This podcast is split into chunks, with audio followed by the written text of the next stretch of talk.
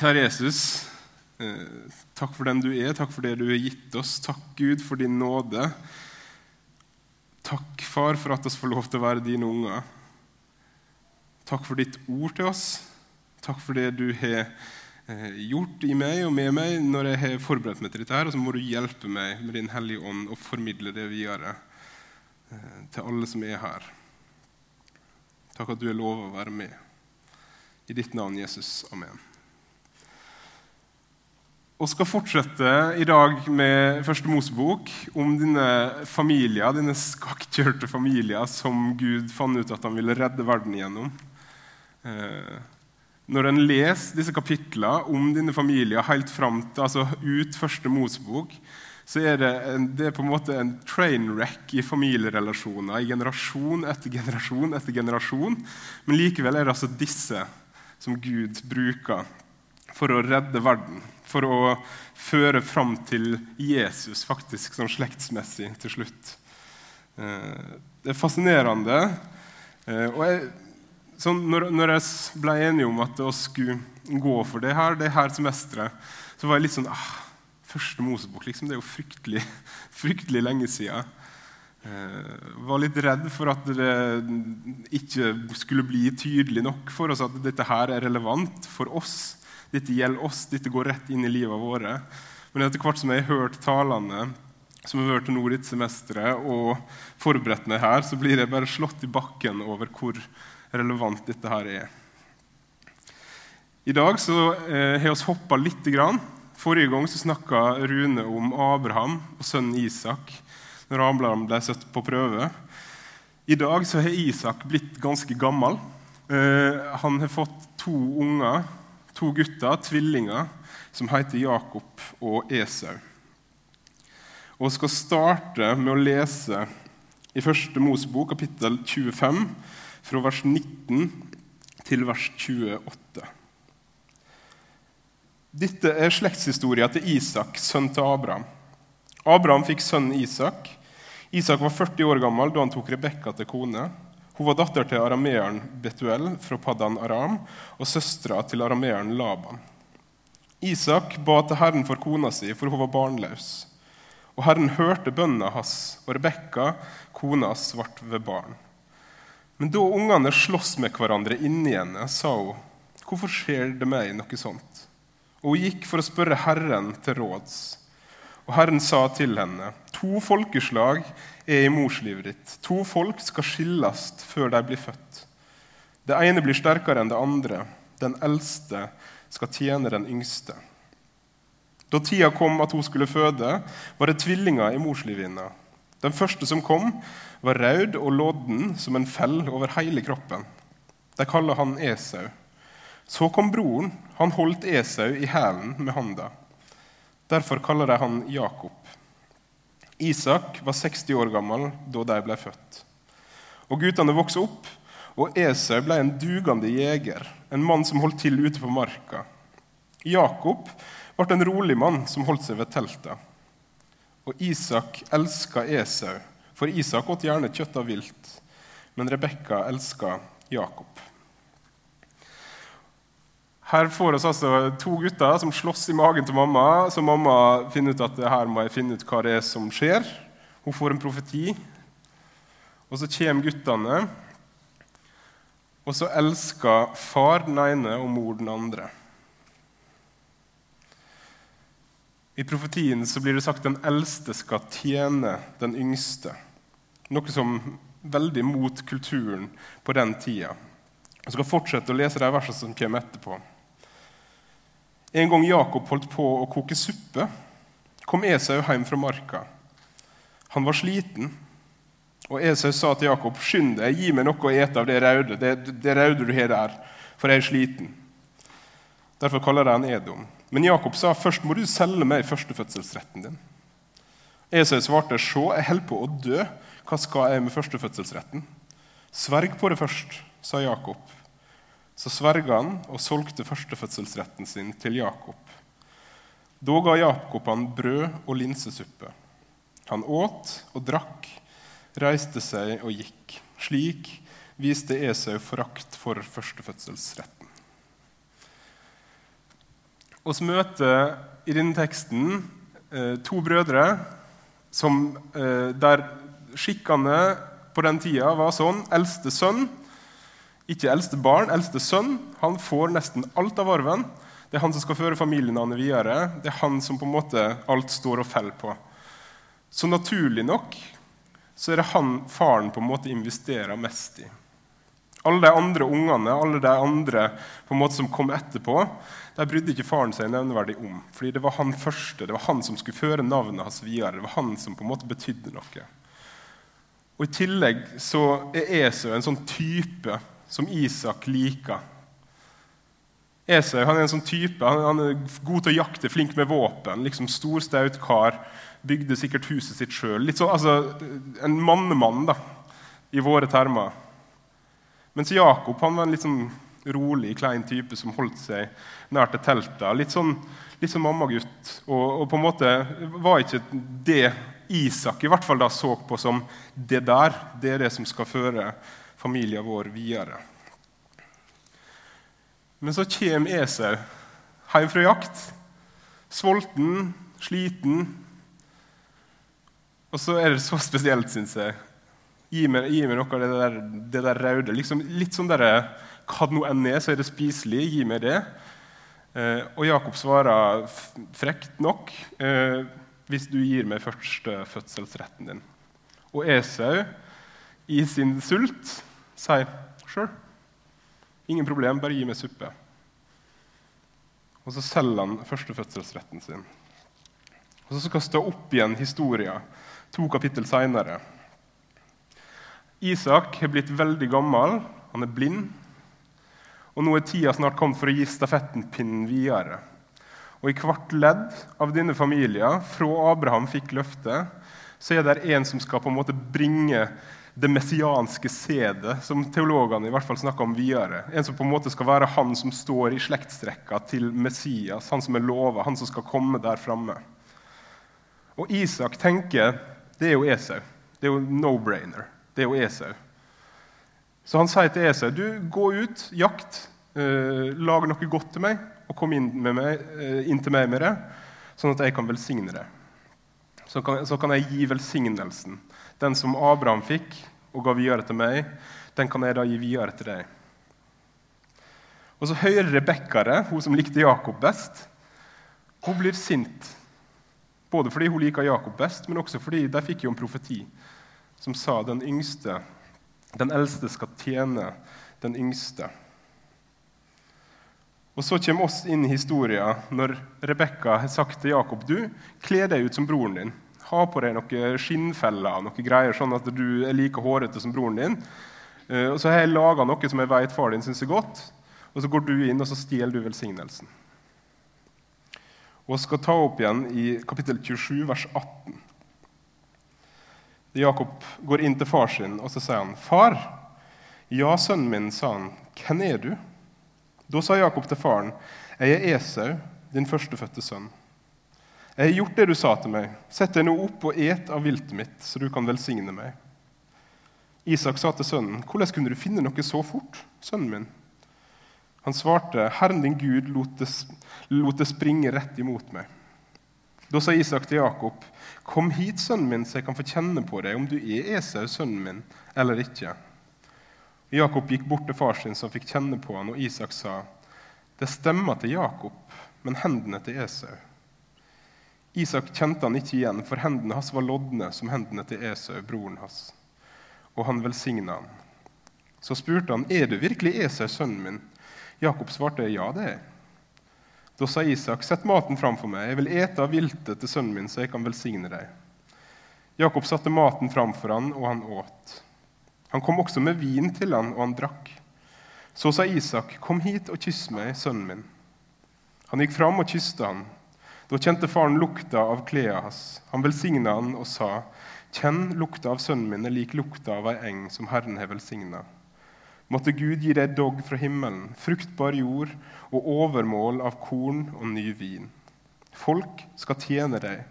Folkeslag bøyer seg for deg. Vær herre over brødrene dine. Sønnene til mor di skal bøye seg for deg. Forbanna er de som forbanner deg, velsigna er de som velsigner deg.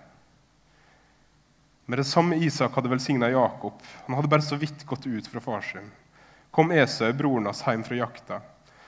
Han også laga noen velsmakende retter og bar dem inn til far sin. Far, sa han, vil du ikke stå opp og ete av viltet sønnen din kommer, så du kan velsigne meg? Isak, faras, spurte, hvem er du? Han svarte, jeg er Esau, den førstefødte sønnen din. Da begynte Isak å skjelve, han skalv veldig og sa, hvem var det da som kom til meg med noe vilt han hadde skutt? Jeg åt av det før du kom, og så velsigna jeg han. Så nå er han velsigna. Da Esau hørte hva faren hans sa, satt han i et høyt skrik. Så sa han, 'Velsign meg også, far.' Men han svarte, 'Broren din kom med svik og tok velsignelsen din.' Da sa Esau, 'Er det derfor han heter Jakob?' Nå har han lurt meg to ganger. Han tok førstefødselsretten min, og nå har han tatt velsignelsen min også. Så sa han, 'Har du ikke ei velsigning til meg også?'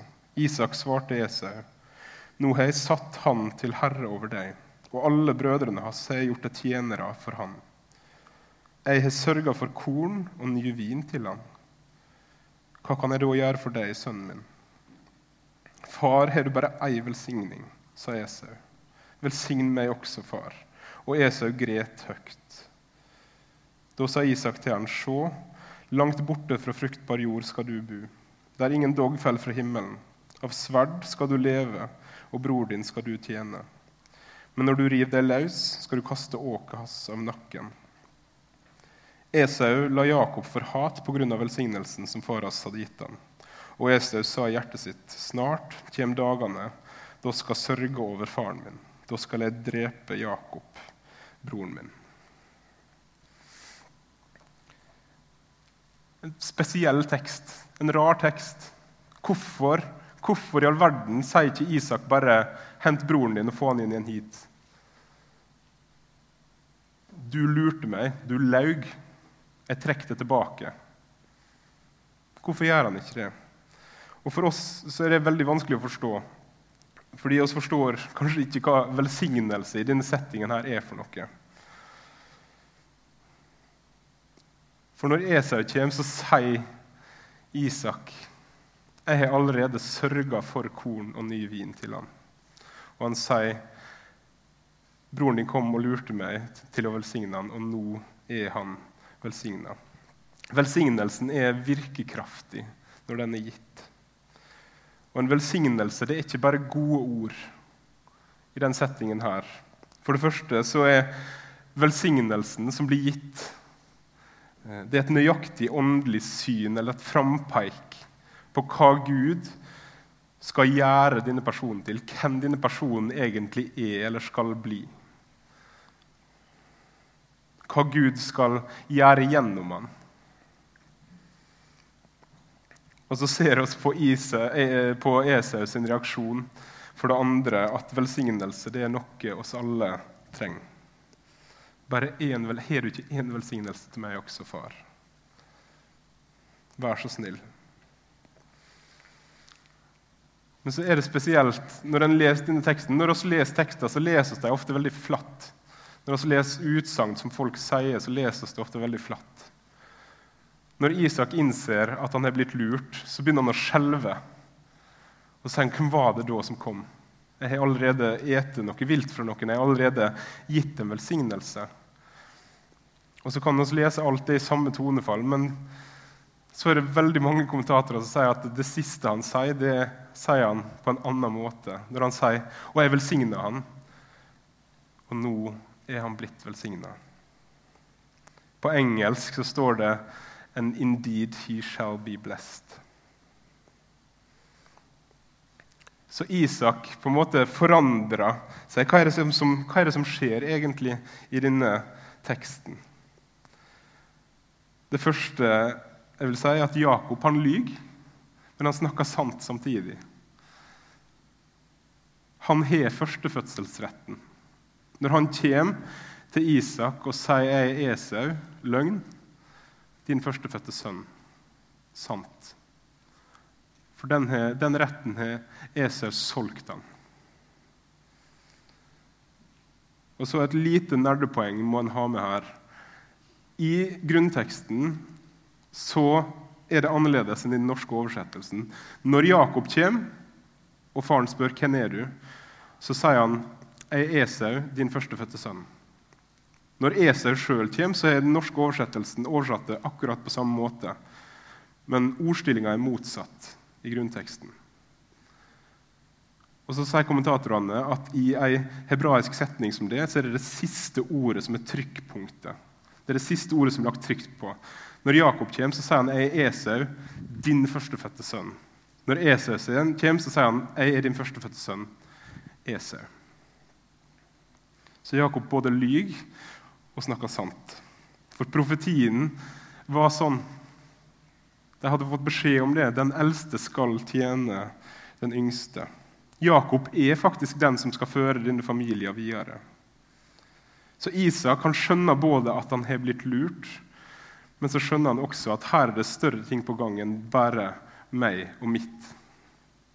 Her skjønner Isak at jeg har ikke bare kjempa på en måte, ikke bare med meg sjøl, men her har jeg kjempa mot Gud. Her er det Guds vilje som har skjedd.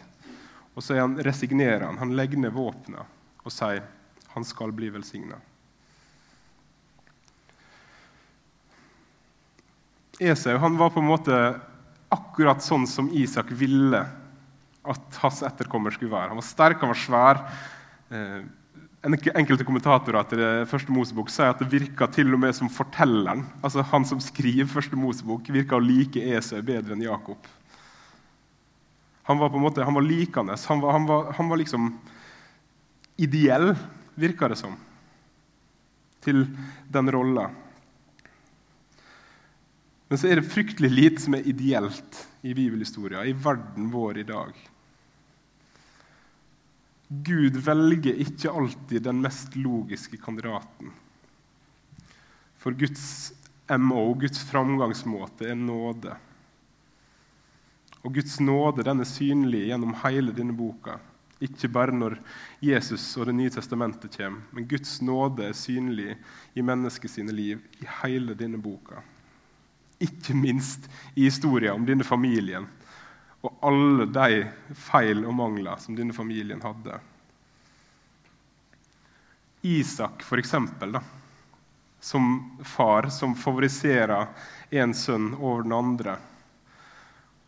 Hva gjør det med sjølfølelsen til, til Jakob? Og hva gjør det med Esau? Jeg tror Esau blir ganske bortskjemt. Han virker nokså korttenkt. Han er sikkert likende, han er flink til å jakte og alt det der. Men når han så kommer og er sulten og selger førstefødselsretten sin til Jakob for ei bolle med suppe, så tenker jeg her, her er det et eller annet som ikke stemmer. Og Jakob, som sniker og lurer. Og ikke bare her. Det stopper på en måte ikke med lureriet til Jakob her, men når dere leser kapitlene som kommer. Han lurer og han stjeler og han på en måte sniker og snoker. Der Abraham har liksom et godt kapittel, et dårlig kapittel, et godt kapittel, et dårlig kapittel. Uh, får, uh, Gud møter han, han reiser ut fra der han kom fra. To kapittel senere gir vekk kona si til farao. Altså det, det svinger noe vanvittig så er Jakob en sånn jevn low ganske lenge. Han er en snik, han er en luring. Han er en antihelt. Han er den rareste bibelske helten som fins. For å sitere Tim Keller så sier han at Gud, når han velsigner Jakob, så velsigner han 'the most messed up person in the whole family'. Men han velsigna han. Det var sånn Gud ville det. Det var sånn Gud sa det i profetien. Det var sånn det blei. Den ideelle kandidaten var ikke den Gud valgte til å føre det videre. Og Isak han innser det, og så legger han ned våpnene. Og I denne velsignelsen, når du, når, du, ser hva Isak sier er allerede sørga for korn og ny vin til ham. Denne velsignelsen er som sagt ikke bare gode ord. Isak går ut ifra at det jeg nå har sagt, det kommer til å skje. Når jeg har sagt til han denne velsignelsen, så er det ikke sånn at jeg bare kan gå og si du din, du din dritt, jeg tar det tilbake. Nei, han har allerede sørga for korn og ny vin til ham.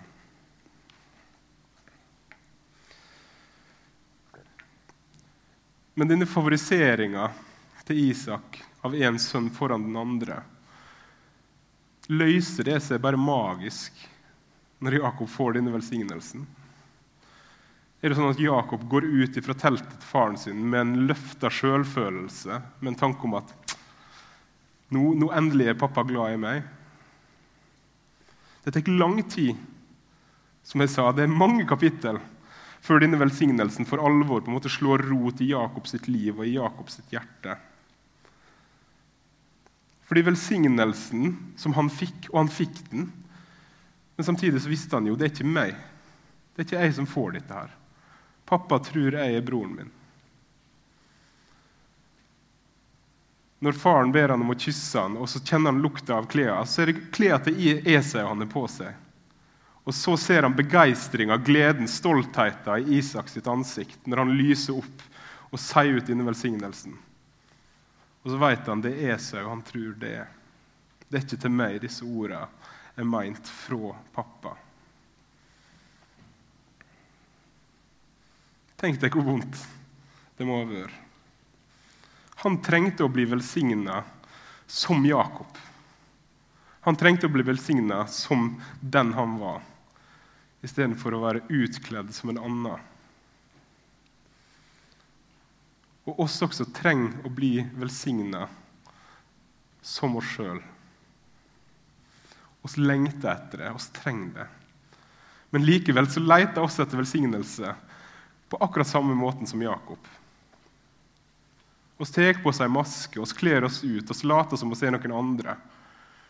Jeg vet om folk som har begynt på et studie, ikke fordi det var det de hadde lyst til, men fordi det tenkte de at kom til å gi dem status, eller det var det foreldrene ville de skulle gå, eller det var det eh, venninnene eller vennene skulle.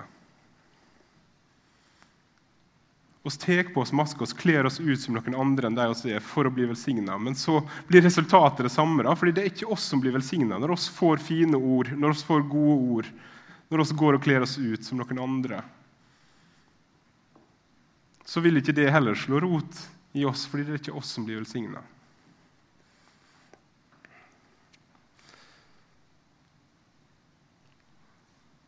Men Gud velsigna Jakob igjen og igjen det skal se seinere. I kapittelet etter kapittel 27 så møter Jakob Gud i en drøm, der Gud gjentar den velsignelsen som han ga til Abraham, til ham. Og Det hjelper nok litt for Jakob, men det tar lang tid før han lever i det.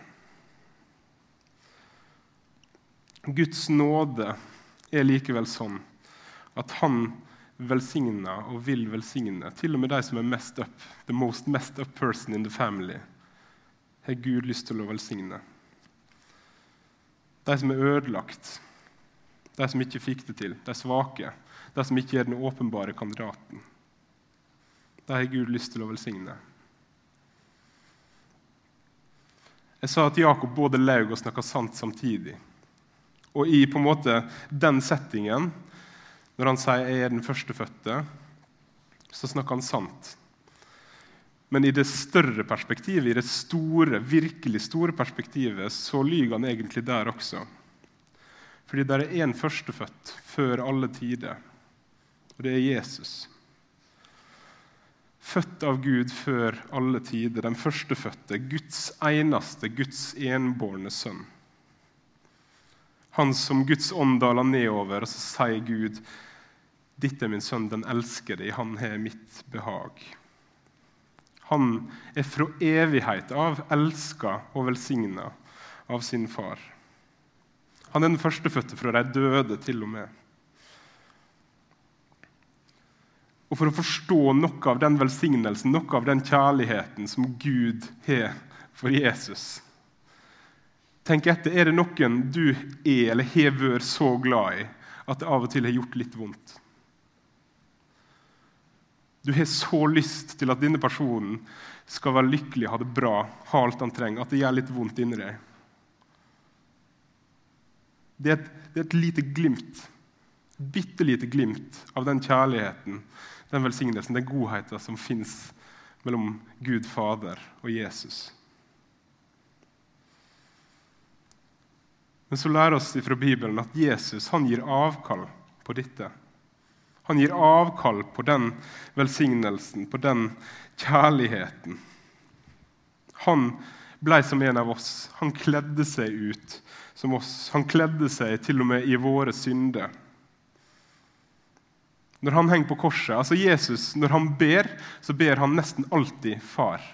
Vår Far. Hellige Far. Himmelske Far. Men på korset så ber han i desperasjon, min Gud, min Gud, hvorfor har du forlatt meg? Hvorfor? Fordi han, den førstefødte, den evig velsigna Guds sønn, født før alle tider, han hadde kommet under forbannelse, står det i Bibelen, for vår skyld. Og dette er bare nåde. Og skal høre hva Paulus skriver i Galaterbrevet, kapittel 3. Om Abraham heter det han trodde Gud, og derfor regna Gud han som rettferdig. Så skjønner dere at det er de som tror, som er Abrahams barn. Skrifta så før det skjedde at Gud ville rettferdiggjøre hedningene ved tru. Og på forhånd forkynte hun dette gode budskapet for Abraham. I deg skal alle folkeslag velsignes. Derfor blir de som tror, velsigna sammen med den truende Abraham. Men de som holder seg til lovgjerninga, er under forbannelse. For det står skrevet 'Forbanna er hver den som ikke holder fast på alt det som står skrevet i lovboka, og gjør etter det'. Det er klart at ingen blir rettferdig for Gud med lova, for det står skrevet 'Den rettferdige skal leve ved tru'. Lova spør ikke etter tru, men sier 'Den som lever etter buda, skal ha liv ved deg'. Og her kommer det. Men Kristus kjøpte oss fri fra forbannelsen under lova, da han kom under forbannelse for vår skyld. For det står skrevet:" Forbanna er hver den som henger på et tre. Slik skulle Abrahams velsignelse komme til folkeslagene i Kristus Jesus, oss ved trua skulle få ånden som var lova. Han kom under forbannelse. I en del engelske oversettelser står det 'became a curse'. Han ble en forbannelse. Han ble en forbanna for oss. Den velsigna Guds sønn ble til forbannelse for oss. For å gi oss del i velsignelsen. For å gi oss del i hans sin arv, hans rike. For å gi oss Gud som far. For å gi oss del i den kjærligheten som han elsker sin sønn med.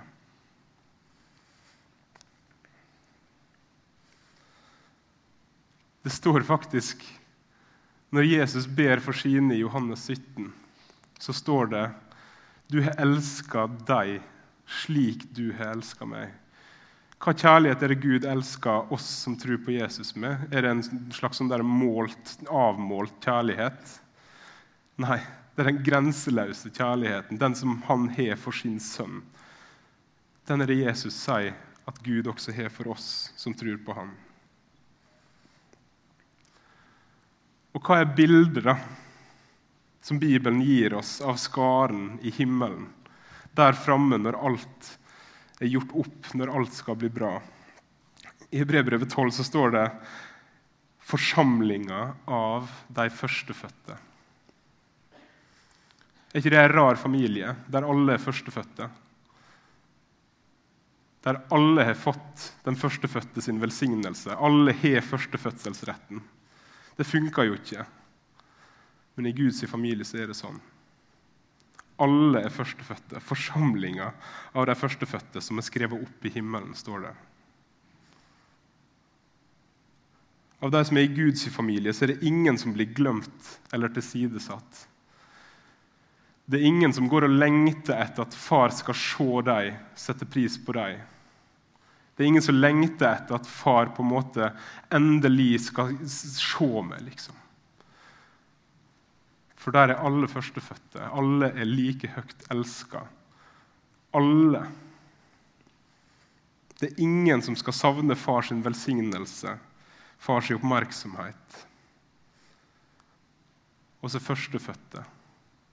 Og så fått del i Jesus sin arv. Bibelen sier også Kristus sine medarvinger. Også elska slik Jesus er elska.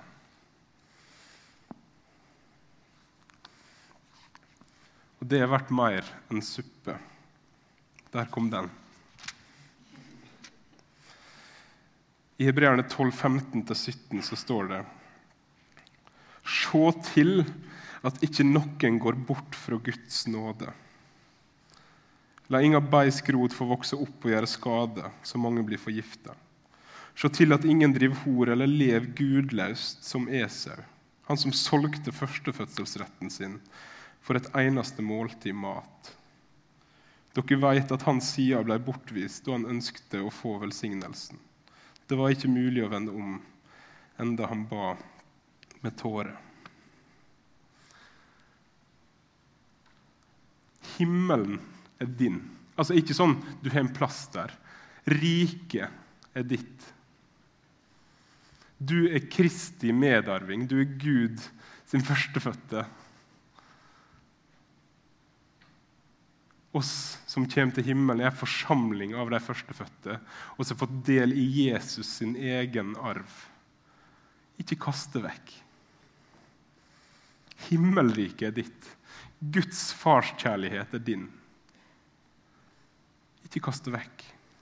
Det er verdt mer enn uansett hva suppe det måtte være. Og suppe blir jo her et bilde for meg på synd, på fristelser. Og Det ser så stusslig ut når du leser i kapittel 25 at han kommer hjem, og Gud er med dine familier. Og Esau også må jo ha visst det, at faren og bestefaren hadde fått løfte og velsignelse fra Gud sjøl. Men likevel, når han kommer hjem og er sulten, så selger han førstefødselsretten sin. Og så står det så da ga Jakob han linsesuppe og brød. Hvor dumt høres det ikke ut? Å gi vekk førstefødselsretten sin for linsesuppe og brød. Nå vet ikke jeg hvor godt linsesuppe er. Jeg syns ikke det høres spesielt godt ut. Men uansett hva suppe det hadde vært Sodd. Veldig glad i sodd. Hadde det vært sodd fortsatt, det hadde hørtes helt, helt ko-ko ut å selge førstefødselsretten sin for å få litt sodd.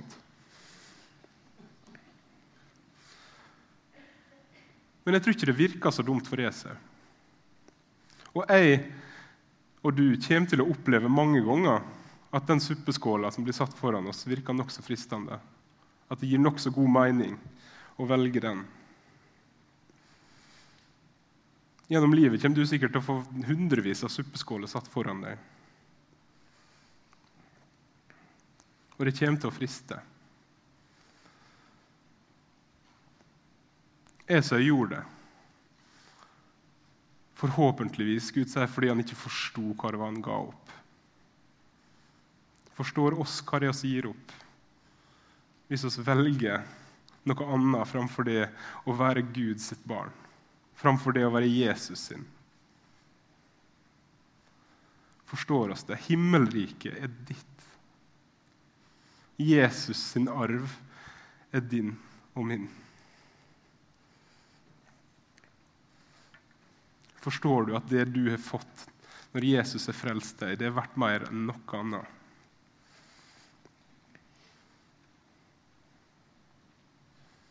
Vi skal få høre en sang nå etterpå som heter I Surrender. Eh, la det bli en bønn for oss. La oss overgi oss til Gud og til Hans vilje for oss.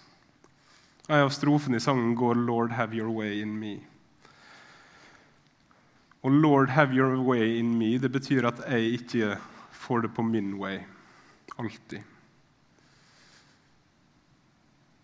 Det betyr at suppa av og til står urørt, at suppa forstår der, men at jeg går en annen vei. Fordi jeg vil følge hans vilje. Men hans vilje for meg er god. Han elsker meg med en kjærlighet som jeg bare kan få små glimt av når jeg er glad i andre mennesker, og når andre mennesker er glad i meg. Det er et bilde, et ufullkomment bilde på den kjærligheten som Gud elsker oss med, og som Gud elsker sin sønn med. Den kjærligheten som er blitt vår. Hans vilje for meg den er god. Han vil meg det beste.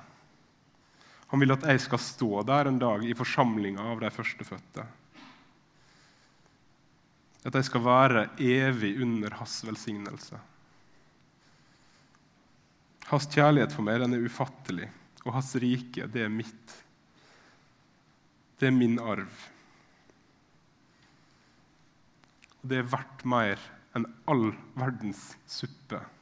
Uansett om det er relasjonell suppe, statussuppe, jobbsuppe. Uansett hva suppe det er. Det å kjenne Jesus, det å være elska av Gud og ha Han som far, det er mer verdt enn alt sammen. 1. Johannes 3,1.: Se hvor stor kjærlighet Far har vist oss. Oss forkalles Guds barn. Og så legger han til ja, oss er det. Oss er barn av Gud, elska av Han, velsigna av Han, levende i Han. Ikke kast det vekk. Kjære Jesus, takk for den kjærligheten som du har gitt oss del i. Så ser du oss kanskje har opplevd noe av det samme som Jakob og Esau, at foreldre eller andre har gradert oss forskjellig, elska oss ulikt. Noen av oss har opplevd at vi ofte har fått, fått gode ting, at vi ofte har blitt satt pris på. At vi ofte har blitt velsigna for den vi er. Andre av oss har opplevd det altfor, altfor lite. Og så ser du vår tendens til å kle oss ut i møte med hverandre og i møte med deg, Gud. Kle oss ut som en annen for å bli velsigna. Takk, Jesus, for at du tar imot oss. At du tilgir oss, at du vil ha oss. Takk, Far, for din kjærlighet som sprenger alle grenser. Jeg ber om oss få lov til å kjenne deg, må oss få lov til å oppleve at vår ånd, som Paulus skriver, roper 'Abba, far' til deg. Ber om at du må bevare oss hos deg. Ber om at oss alltid må få lov til å være under din velsignelse. At vi får komme helt hjem, der vi skal få møte deg ansikt til ansikt. I ditt navn, Jesus. Amen.